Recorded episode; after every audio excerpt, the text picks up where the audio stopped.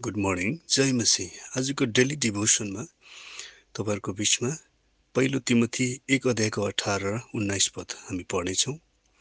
मेरो छोरो तिमथी म तिमीलाई मेरो यो आज्ञा दिँदछु कि तिम्रो सम्बन्धमा अघि कहिएको अनुसार तीद्वारा प्रेरणा पाएर विश्वास र असल विवेक कायम राख्दै तिमी असल लडाइँ लड्न सक। विश्वास र स्वच्छ विवेक कायम राख। कुनै कुनै मानिसले विवेकलाई इन्कार गरेर आफ्नो विश्वासको जहाज डुबाएका छन्।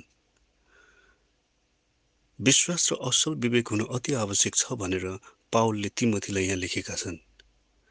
के कुराले विवेकलाई दूषित बनाउँदछ त?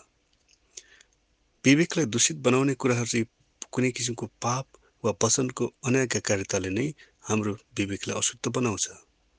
पाप वा वचन पालन गरेन भने कसैले नगे नदेखे तापनि उसको आफ्नै विवेक उसलाई दोषाइरहन्छ। उसको आफ्नै विवेक उसलाई प्रहार गरिरहन्छ। यसर्थ वचन सुनेर विश्वास गर्नु मात्र होइन त्यही अनुसार काम पनि गर्नुपर्दछ भनेर बाइबल बताउँदछ। वचन पालन गरेको छैन भने वा कुनै किसिमको पापका कार्यहरू गरेको भए तुरन्तै पा पश्चाताप गरेर विवेकलाई सफा राख्नु पर्दछ दोषी विवेकले हाम्रो विश्वासलाई कमजोर बनाउँदछ आत्मालाई गलाउँछ जोस सेलाएर जान्छ प्रेम हराएर जान्छ विश्वासको जहाज डुब्छ।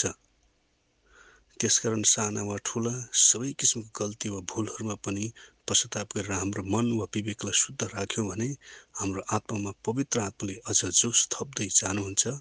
हामी हाम्रो विश्वासमा दह्रो बन्दै जान्छौँ र असल लडाइँ लड्न सक्छौँ। आमेन।